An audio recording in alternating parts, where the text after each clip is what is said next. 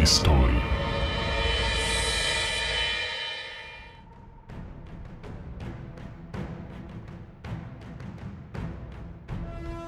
Konflikt pomiędzy australijskimi aborygenami a białymi osadnikami trwał niemal od samego początku istnienia w Nowej Południowej Walii brytyjskiej kolonii.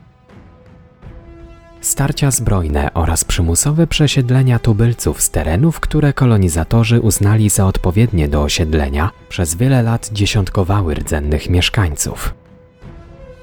Aborygeni próbowali stawiać opór. Ich ataki przeprowadzane na kolonizatorów były brutalne i bezlitosne, ale niepisane prawo australijskiego pogranicza nakazywało osadnikom dokonywania odwetu za każdego zabitego białego człowieka. Rozpoczęły się krwawe pogromy tubylców. Gdy w październiku 1857 roku grupa złożona z ponad 100 aborygenów napadła na rancho zamieszkałe przez samotną matkę, jej ośmioro dzieci oraz czterech pracowników, dokonując rzezi niemal wszystkich przebywających tam osób, biali osadnicy z całego regionu zapałali rządzą odwetu za masakrę w Hornet Bank. Najstarszy syn zabitej kobiety uznał, że winnymi zabicia jego rodziny są wszyscy aborygeni i poprzysiągł sobie, że nie spocznie, dopóki nie dokona na nich krwawej zemsty. I już wkrótce dotrzymał słowa. William Fraser przeszedł do legendy australijskiego pogranicza jako Billy Mściciel i do dziś uznawany jest w Australii za jednego z największych masowych zabójców w historii tego kraju. Gniazdo szerszeni.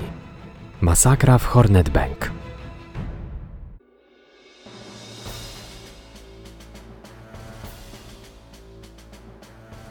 Niedługo po tym, jak 13 brytyjskich kolonii w Ameryce Północnej zbuntowało się przeciwko królowi Jerzemu III, a w roku 1776 ogłosiło niepodległość jako Stany Zjednoczone, Wielka Brytania potrzebowała nowego miejsca, do którego można było zsyłać swoich niechcianych obywateli, głównie przestępców z przepełnionych brytyjskich więzień. Po utracie kolonii za Atlantykiem swoją uwagę Brytyjczycy skierowali w zupełnie inną stronę świata. Na ziemię nazywaną przez nich samych dziką i jołową, na której nikt nie chciał się dobrowolnie osiedlić. Na Australię. 26 stycznia 1788 roku, po rejsie trwającym 8 miesięcy w okolicach Zatoki Port Jackson, na ląd zeszła pierwsza grupa więźniów. Założoną w tym miejscu osadę przemianowano wkrótce na Sydney. Niecałe dwa tygodnie później ogłoszono powstanie brytyjskiej kolonii o nazwie Nowa Południowa Walia. Jej gubernatorem został dowódca ekspedycji osadniczej, admirał Arthur Philip. Podlegało mu łącznie 1030 osób. Zdecydowaną większość osadników stanowili więźniowie, którym na miejsce zsyłki pozwolono zabrać własne rodziny. Porządku strzegło ponad 250 żołnierzy piechoty morskiej. I to właśnie żołnierze stali się pierwszymi posiadaczami ziemskimi. Wkrótce zaczęli dołączać do nich pierwsi skazańcy, którzy doczekali się zwolnień warunkowych. Kolejne transporty osadnicze sprawiły, że ludność brytyjskiej kolonii w szybkim tempie wzrastała. Szacuje się, że do końca 1858 roku przetransportowano do Australii ponad 160 tysięcy więźniów. Rozwój kolonii sprawił, że już pod koniec lat 20. XIX wieku do Europy zaczęły docierać wieści o szybkim bogaceniu się nowo przybyłych osadników. Plotki te były ściśle kontrolowane przez brytyjski rząd, a przy tym mocno podkoloryzowane. Miało to na celu skłonienie jak największej liczby wolnych obywateli do porzucenia swojego dotychczasowego życia i popłynięcia w nieznane. W swoją szansę zaczęło wierzyć coraz więcej ludzi, także z Polski. Gdy trzy dekady później na kontynencie australijskim odkryto złoto, liczba wolnych mieszkańców kolonii przekroczyła liczbę przymusowo deportowanych więźniów i ich potomków. Pomimo trudnych warunków życia i ciągłej walki o przetrwanie, przybysze z Europy bardzo szybko poczuli się jak u siebie. Niemal od samego początku uważali, że całe terytorium Nowej Południowej Walii należy wyłącznie do nich. Był tylko jeden problem. Prawa do tej ziemi rościli sobie również aborygeni, czyli rdzenni mieszkańcy Australii. Konflikt pomiędzy białymi osadnikami a tubylcami trwał odkąd tylko do wybrzeży Australii dopłynęła pierwsza brytyjska flota ze skazańcami. Oszacowano wtedy, że cały kontynent zamieszkiwało nie więcej niż półtora tysiąca aborygenów. Zdaniem współczesnych badaczy, w rzeczywistości ich populacja mogła wtedy dochodzić nawet do miliona.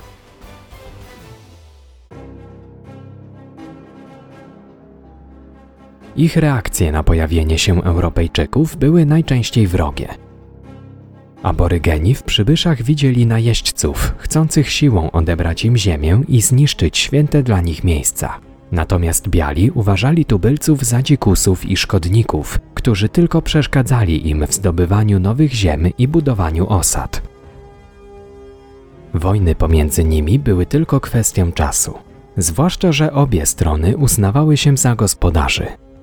Gdy na początku lat 50. XIX wieku zwabieni gorączką złota Europejczycy zaczęli osiedlać się w południowo-wschodnim Queensland, konflikt ten zaognił się jeszcze bardziej. Hodowcy bydła i owiec budowali swoje rancza oraz pojedyncze domostwa wzdłuż większych rzek. Posuwali się przy tym coraz bardziej na zachód, wypierając z tych terenów rdzennych mieszkańców.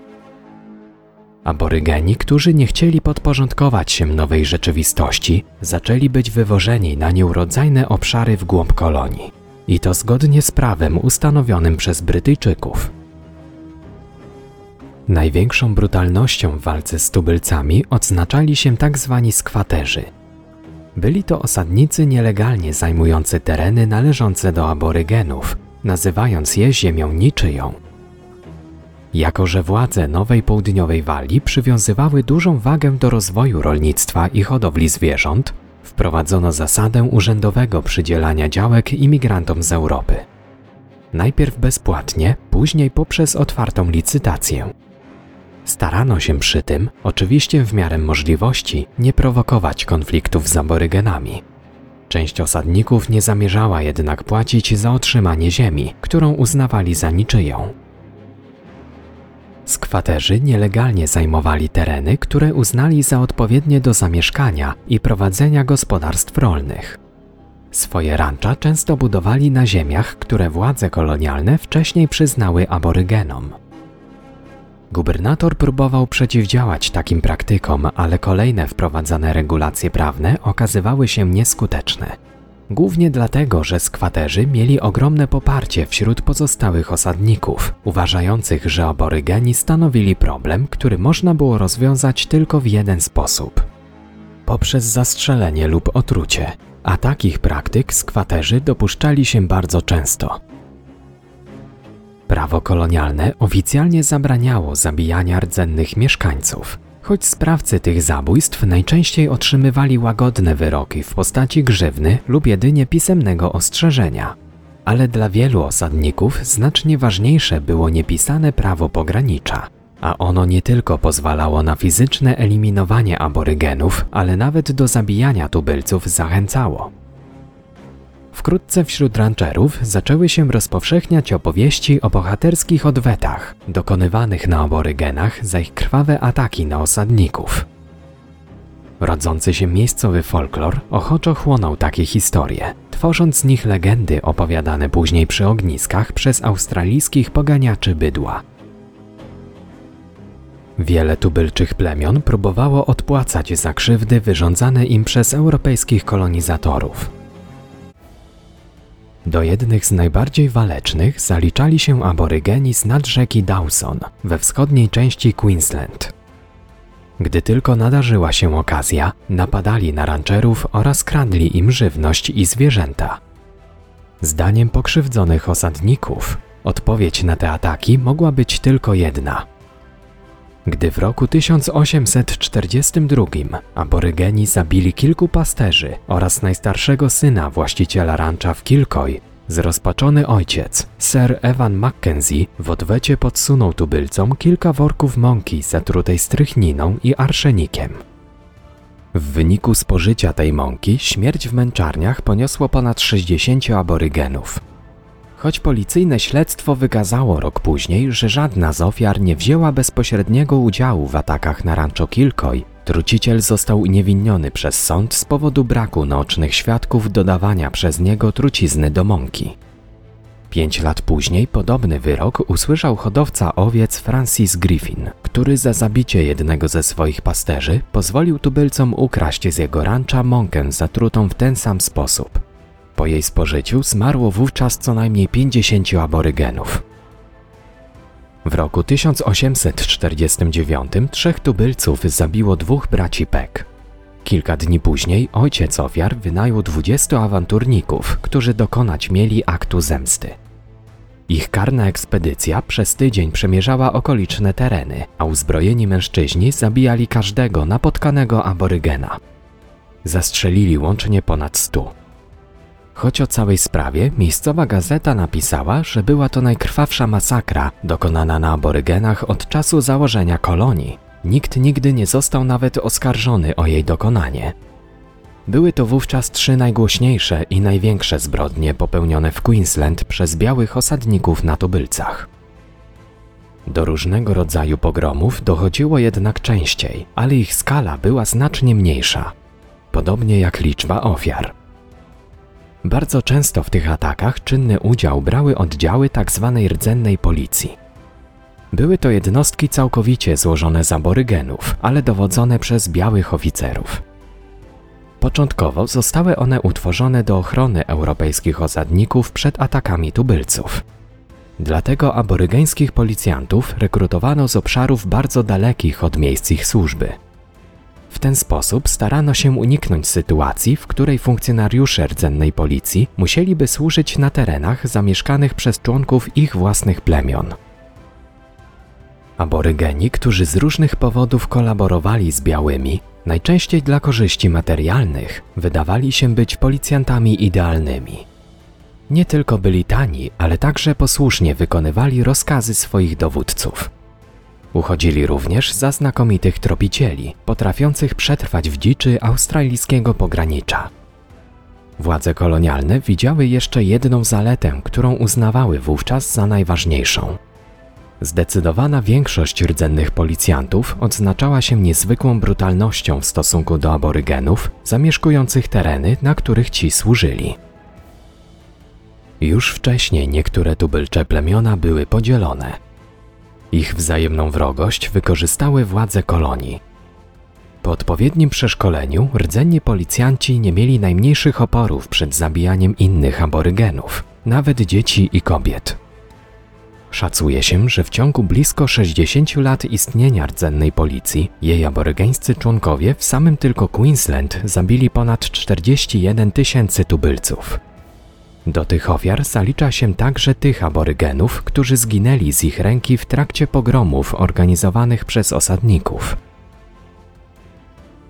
Wiele oddziałów rdzennej policji było często prywatnie wynajmowanych przez rancherów do pomocy w dokonywaniu masakr na tubylcach. Czasami były to akty zemsty za wcześniejsze ataki na domostwa białych, ale zdarzały się również tak zwane uderzenia prewencyjne, mające na celu zapobiegnięcie potencjalnym atakom, których europejscy rancherzy bardzo się obawiali. Władze zdawały sobie sprawę z tego faktu, ale robiły niewiele, aby ukrócić ten krwawy proceder. Nic więc dziwnego, że rdzenni policjanci szybko zaczęli być traktowani przez aborygenów jak zdrajcy i zabijani na równi z białymi kolonistami.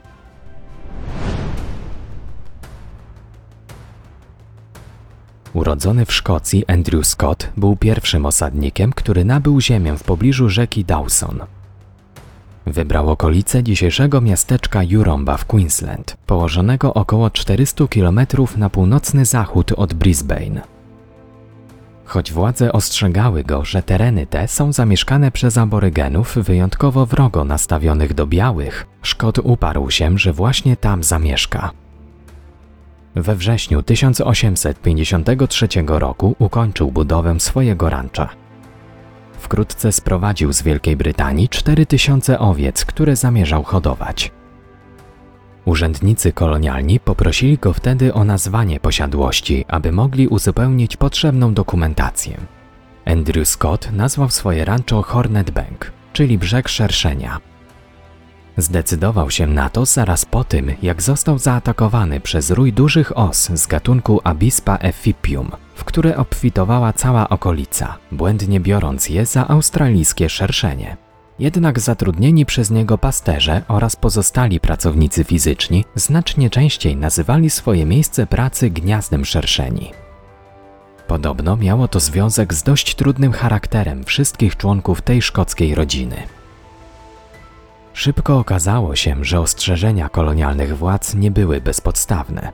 Pogranicze w rejonie rzeki Dawson nie było bezpiecznym miejscem dla białych osadników, a Hornet Bank, jako najdalej wysunięte na zachód rancho, stało się celem częstych ataków miejscowych aborygenów.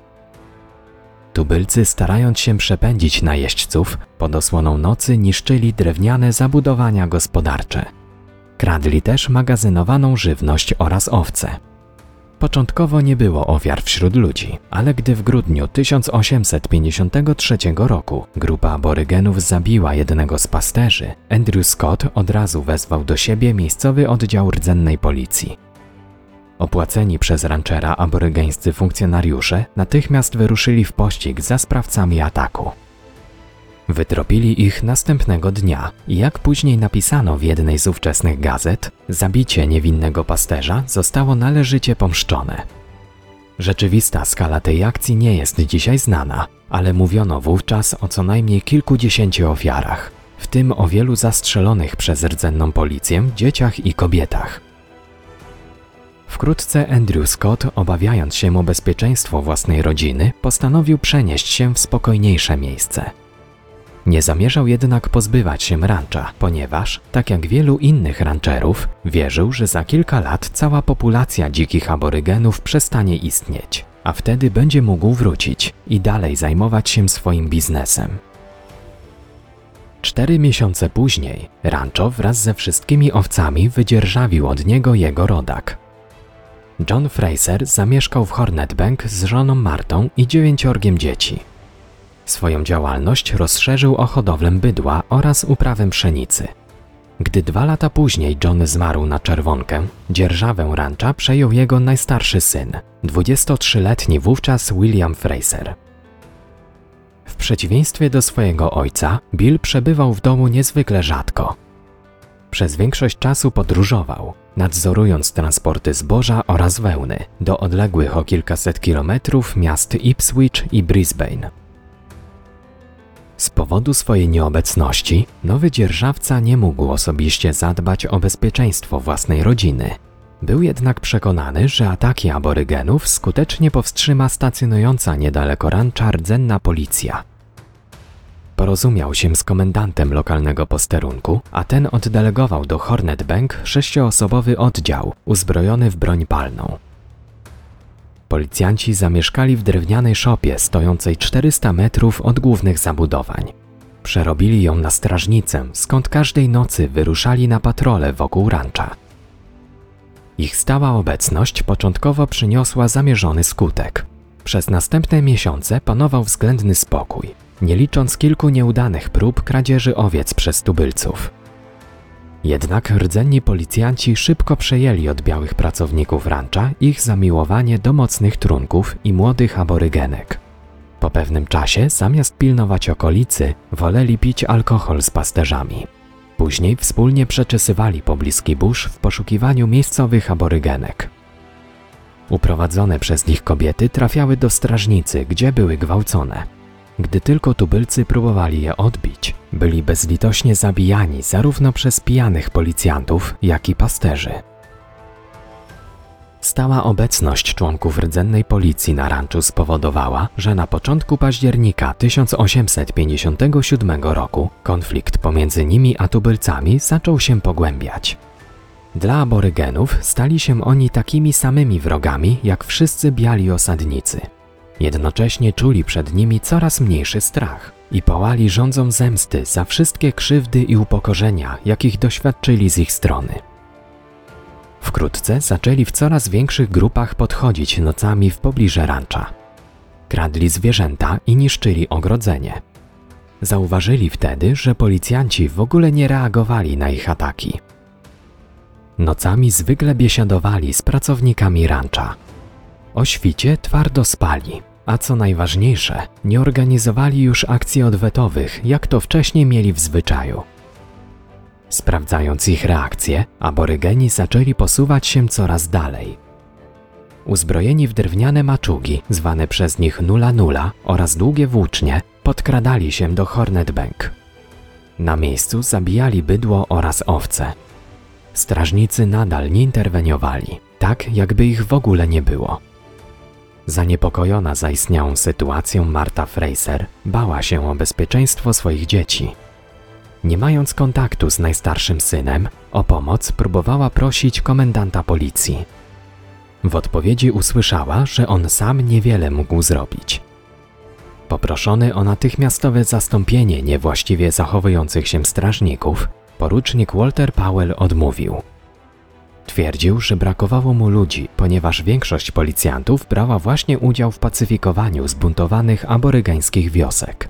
Obiecał jednak, że gdy tylko otrzyma obiecany przez władze przydział nowych rekrutów, natychmiast oddeleguje ich do Hornet Bank, a dotychczasowych strażników przykładnie ukaże. Tymczasem aborygeni byli coraz bardziej zuchwali i nie poprzestali na zabijaniu zwierząt. Na początku września 1857 roku śmierć poniósł jeden z pasterzy owiec. Jego czaszka została zmiażdżona maczugą nula nula. W ciągu następnego miesiąca ten sam tragiczny los spotkał pięciu innych pracowników rancha. Był to wyraźny znak, że aborygeni wciąż byli blisko i tylko czekali na dogodne okazje do ataku na ludzi.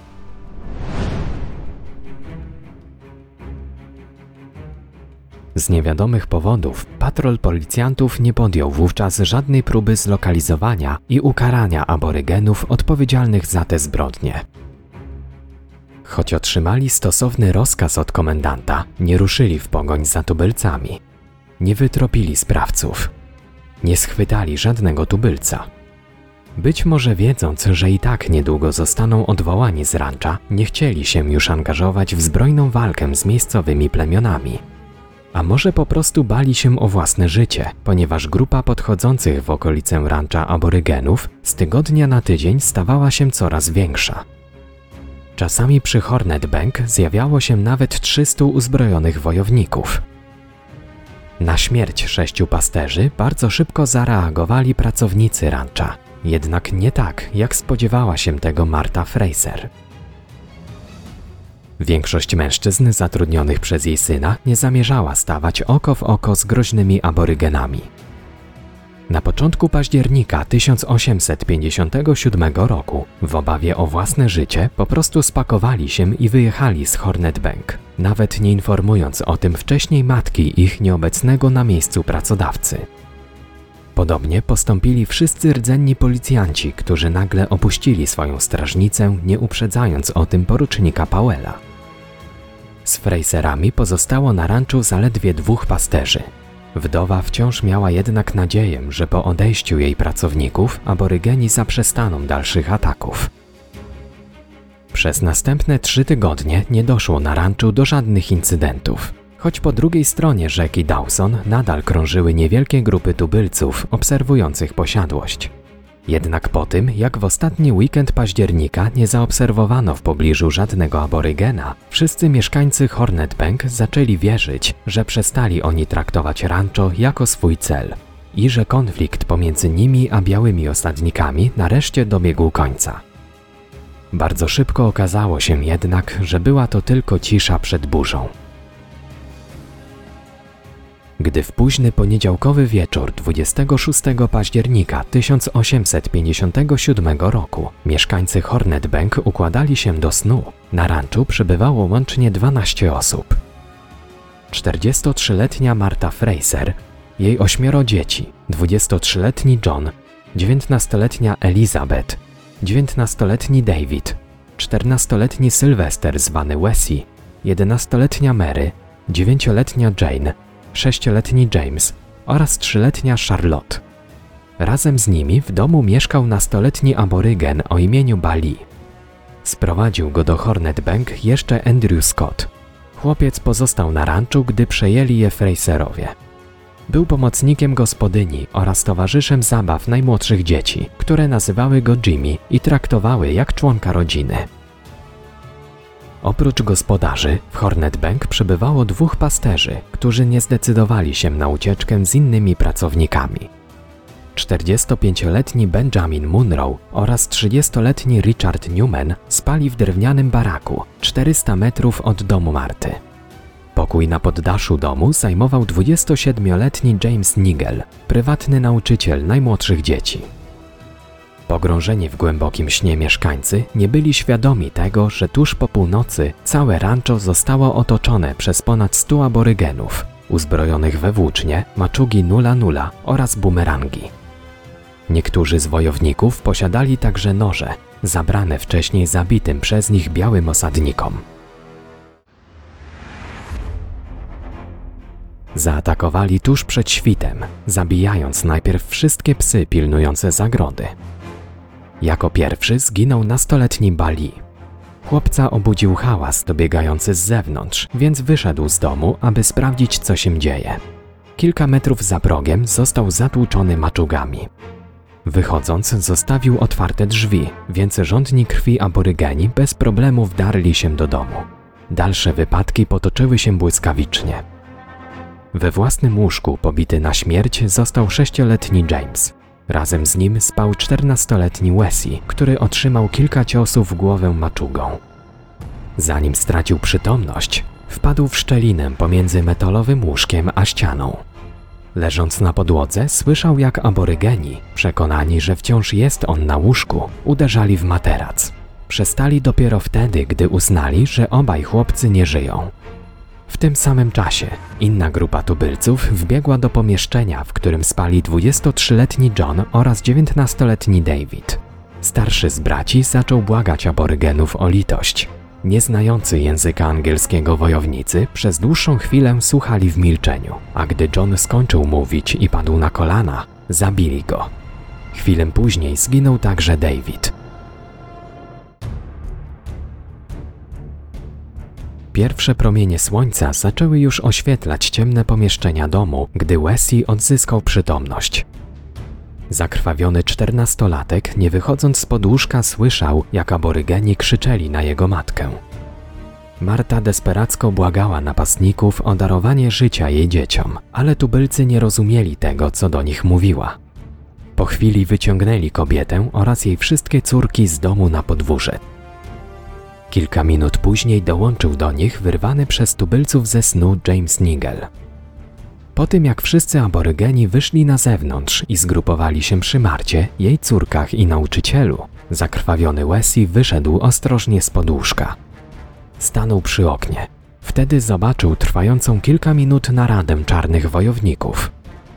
Gdy doszli do porozumienia, zaczęli głośno krzyczeć, wymachując włóczniami. Wesley widział wyraźnie, jak po chwili jeden z nich chwycił nauczyciela i rozebrał go do naga. W tym czasie inny aborygen wyciągnął nóż i wykastrował 27-letniego mężczyznę. Jego cierpienie bardzo szybko przerwało jedno mocne uderzenie maczugą. Po tym jak Nigel padł martwy z roztrzaskaną czaszką, tubylcy skupili swoją uwagę na pozostałych osobach. Oddzielili od grupy dwie najmłodsze córki Marty. Chwilę później dziewięcioletnia Jane i trzyletnia Charlotte także zostały zabite. W przeciwieństwie do pozostałych ofiar, Marta i jej dwie najstarsze córki nie zginęły od razu. Najpierw zostały przez aborygenów zgwałcone. Prawdopodobnie była to zemsta za wcześniejsze gwałty dokonane przez rdzennych policjantów oraz pasterzy na aborygeńskich kobietach. Gdy masakra w Hornet Bank dobiegła końca, wojownicy zaczęli opuszczać rancho, zabierając z sobą konie oraz tyle owiec i bydła, ile tylko byli w stanie. Nagle czternastolatek zauważył przez okno dwóch pasterzy. Munro i Newman chowali się pomiędzy budynkami gospodarczymi. Byli przerażeni tym, co właśnie zobaczyli. Na ich nieszczęście pasterzy dostrzegł nie tylko Wesley. Nagle kilku wojowników zawróciło i zaczęło biec w ich stronę. Sparaliżowani strachem mężczyźni nawet nie próbowali uciekać. Trzymając w rękach swoje noże, stanęli do otwartej walki. Nie mieli jednak żadnych szans w starciu z aborygenami opętanymi rządzą krwi białych osadników. Zmarli zatłuczeni na śmierć maczugami. W masakrze zginęło łącznie 12 osób, w tym ośmioro członków rodziny Fraserów. Atak przeżył tylko Wesley, który dopiero kilka godzin później odważył się wyjść z domu. Zakrwawiony i ciężko ranny czternastolatek upadł przy zwłokach. Płakał tak długo, aż zasnął ze zmęczenia i przerażenia.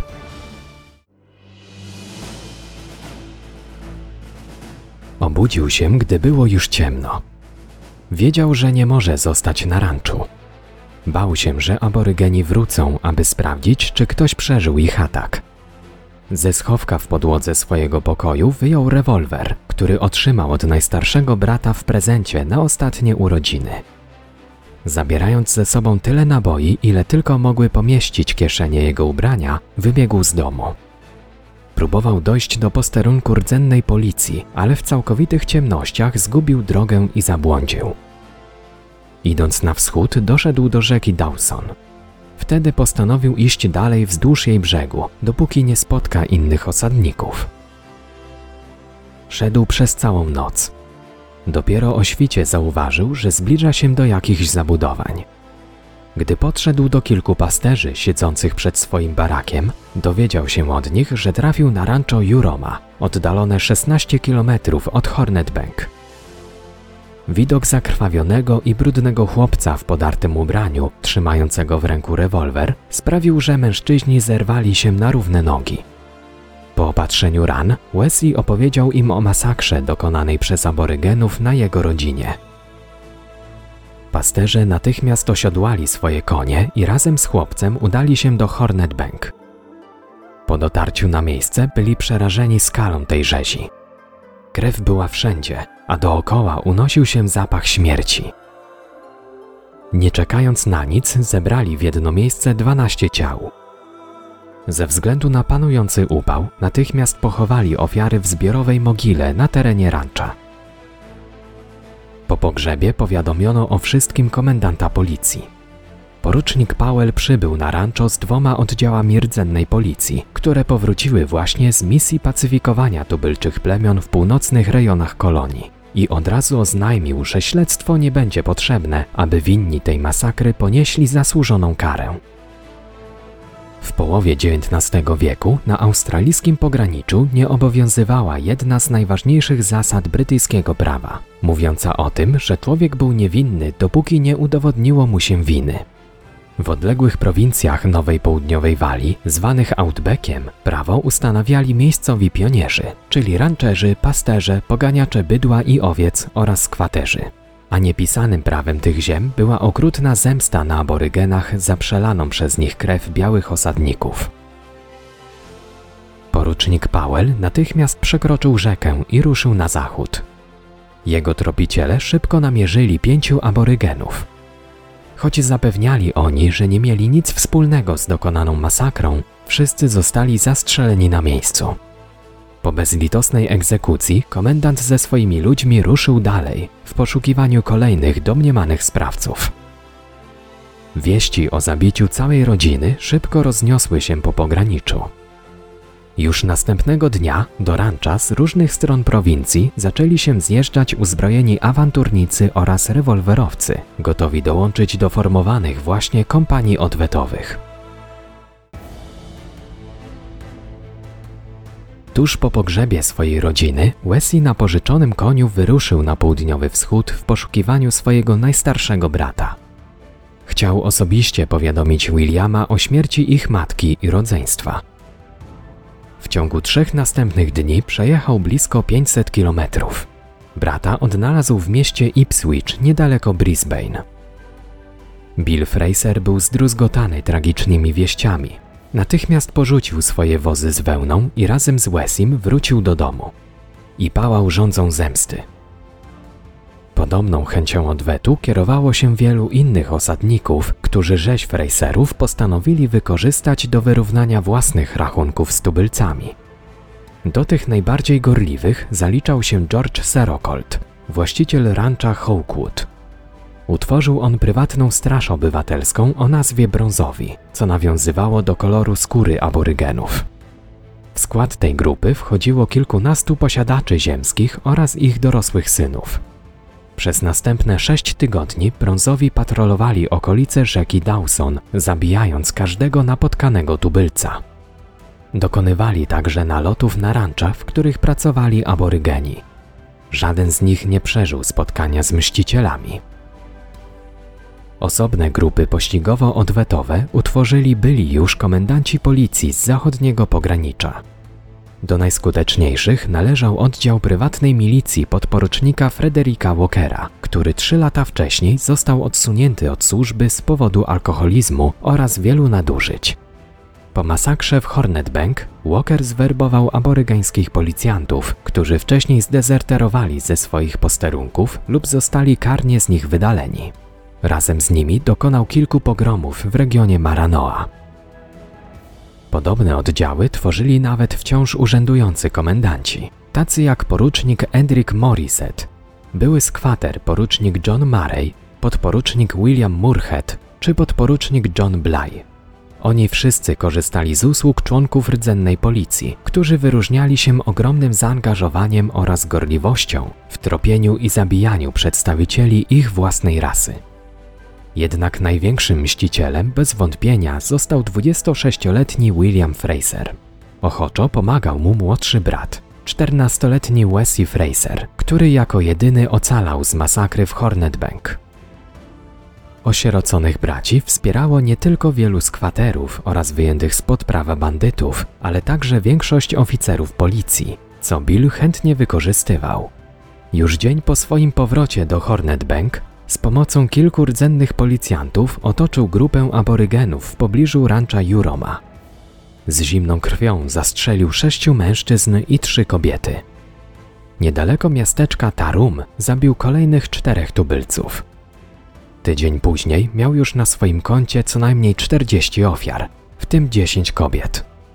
Ginęli wszyscy bez wyjątku, bo dla Billa Frasera każdy napotkany aborygen był winny śmierci jego rodziny. Nie cofał się przed niczym i nie zamierzał przestać. W morderczym szale podróżował ze swoją grupą coraz dalej od domu. 27 listopada, a więc równo miesiąc po masakrze, był już ponad 350 km od Hornet Bank. Niedaleko miasteczka Toowoomba spotkał samotnie idącą aborygenkę.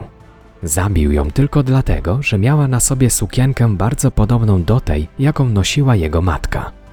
W grudniu dotarł do rancha Rochdale, na którym zastrzelił 14 aborygańskich pracowników, w tym trzy kobiety. Jego nazwisko było już wtedy znane w całym południowo-wschodnim Queensland, a o jego krwawej zemście zaczęły krążyć legendy, które pasterze z wielkim rozbawieniem opowiadali sobie przy ognisku. Mówiono o nim Billy Mściciel – Powtarzano opowieści o tym, że wystarczyła choćby plotka, że zbliża się on ze swoją grupą, a wszyscy aborygeni z danej okolicy uciekali w poszukiwaniu kryjówki.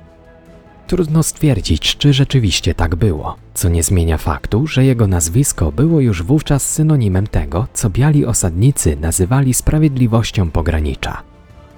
Na początku 1858 roku William powrócił w okolice Hornet Bank, 4 stycznia dotarł do rancha w pobliżu miasteczka Juanda. Na miejscu dowiedział się, że w domu właściciela jakiś sędzia przesłuchiwał właśnie pięciu aborygenów, których oskarżono o udział w zabójstwie Fraserów. Dzień wcześniej zostali oni schwytani przez pewnego łowcę nagród. Prawdopodobnie człowiek ten liczył na jakąś nagrodę za złapanie sprawców masakry, o której wciąż było głośno.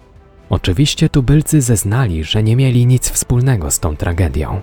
Ostatecznie okazało się, że mówili prawdę, więc sędzia pozwolił im odejść. Z tą decyzją nie zgodził się jednak William Fraser. Gdy tylko aborygeni opuścili rancho, zastrzelił ich. O wyczynach mściciela z Hornet Bank mówiono już wówczas na całym pograniczu. Miejscowi osadnicy pochwalali to, co robił. Dla wielu z nich William Fraser stał się bohaterem. Układano o nim piosenki śpiewane przez poganiaczy bydła. Dzieci recytowały o nim wierszyki oraz bawiły się w dobrego Billa i złych aborygenów.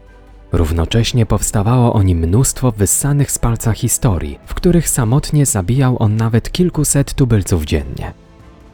Do najczęściej powtarzanych wtedy plotek należała ta o niejakim panie Johnsie i jego aborygeńskim synu.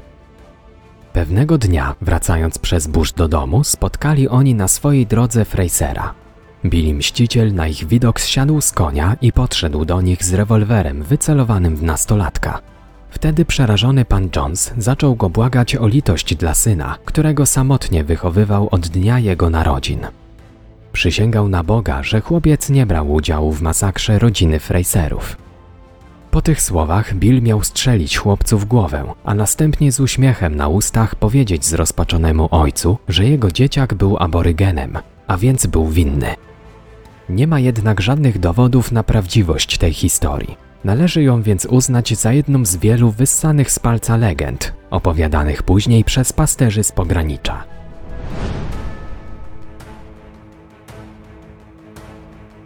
Rzeczywista liczba aborygenów, którzy zostali zabici po masakrze w Hornet Bank nie jest znana. Do marca 1858 roku w samym tylko rejonie rzeki Dawson oficjalnie zginęło ich co najmniej 300, w tym wiele dzieci i kobiet. Jednak zdaniem australijskich historyków prawdziwa liczba ofiar może być nawet dwukrotnie wyższa. Według urzędowych danych brytyjskich władz kolonialnych, kilka miesięcy później liczba tubylców w rejonie rzeki Dawson spadła niemal do zera. Aborygeni, którzy przeżyli akcje odwetowe, uciekli w inne rejony. Spis powszechny przeprowadzony w roku 1859, tuż po tym jak Queensland stało się samodzielną kolonią, potwierdził, że wśród wszystkich mieszkańców tego regionu biali stanowili ponad 99% populacji. Podobno sam William Fraser pod koniec swojego życia przyznał się do zastrzelenia co najmniej 400 aborygenów. Miał on jednocześnie zapewnić, że nigdy nie zabił żadnego dziecka. Dziś trudno jednak stwierdzić, czy mówił prawdę. Nawet jeśli z jakiegoś powodu zawyżył on liczbę zastrzelonych przez siebie tubylców, to i tak jeszcze przez wiele dekad Billy Mściciel był uznawany w Australii za największego masowego mordercę w historii tego kraju. Pod koniec XIX wieku jego nazwisko stało się symbolem wrogości białych osadników z pogranicza do rdzennej ludności.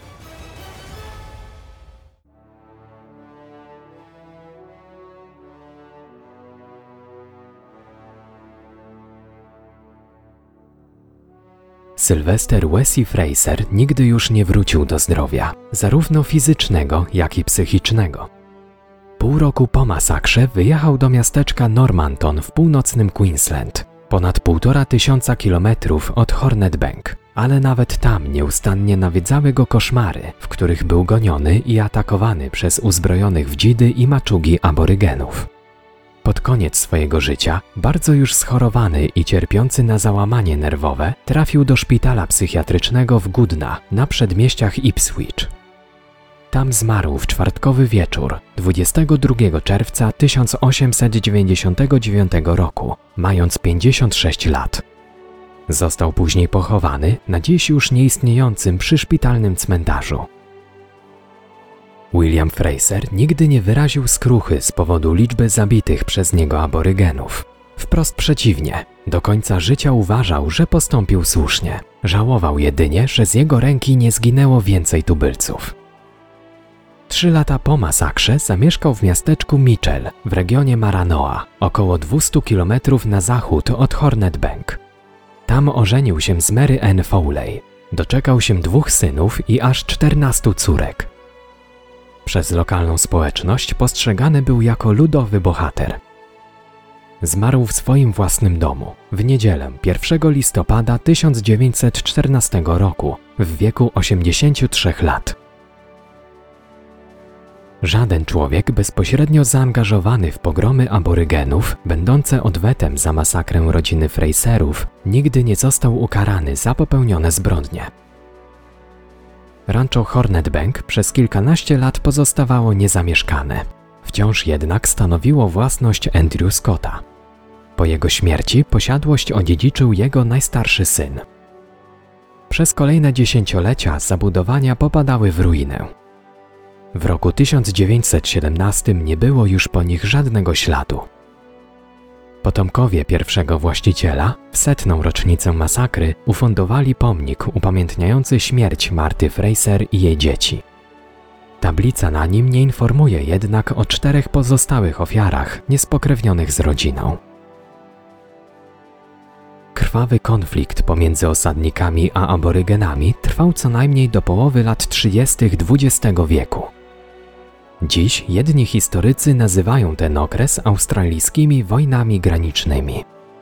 Inni mówią wprost, że było to ludobójstwo aborygenów dokonane przez białych kolonizatorów. Ale nawet po zakończeniu tego tragicznego okresu, tubylcy jeszcze długo postrzegani byli w Australii jako osoby gorszej kategorii.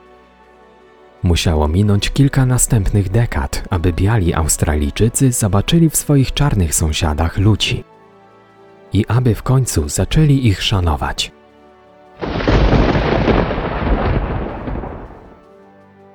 Tekst i realizacja Łukasz Włodarski. Czytał Hubert Pawlak. Podcast w mroku historii dostępny jest w serwisie YouTube oraz Spotify.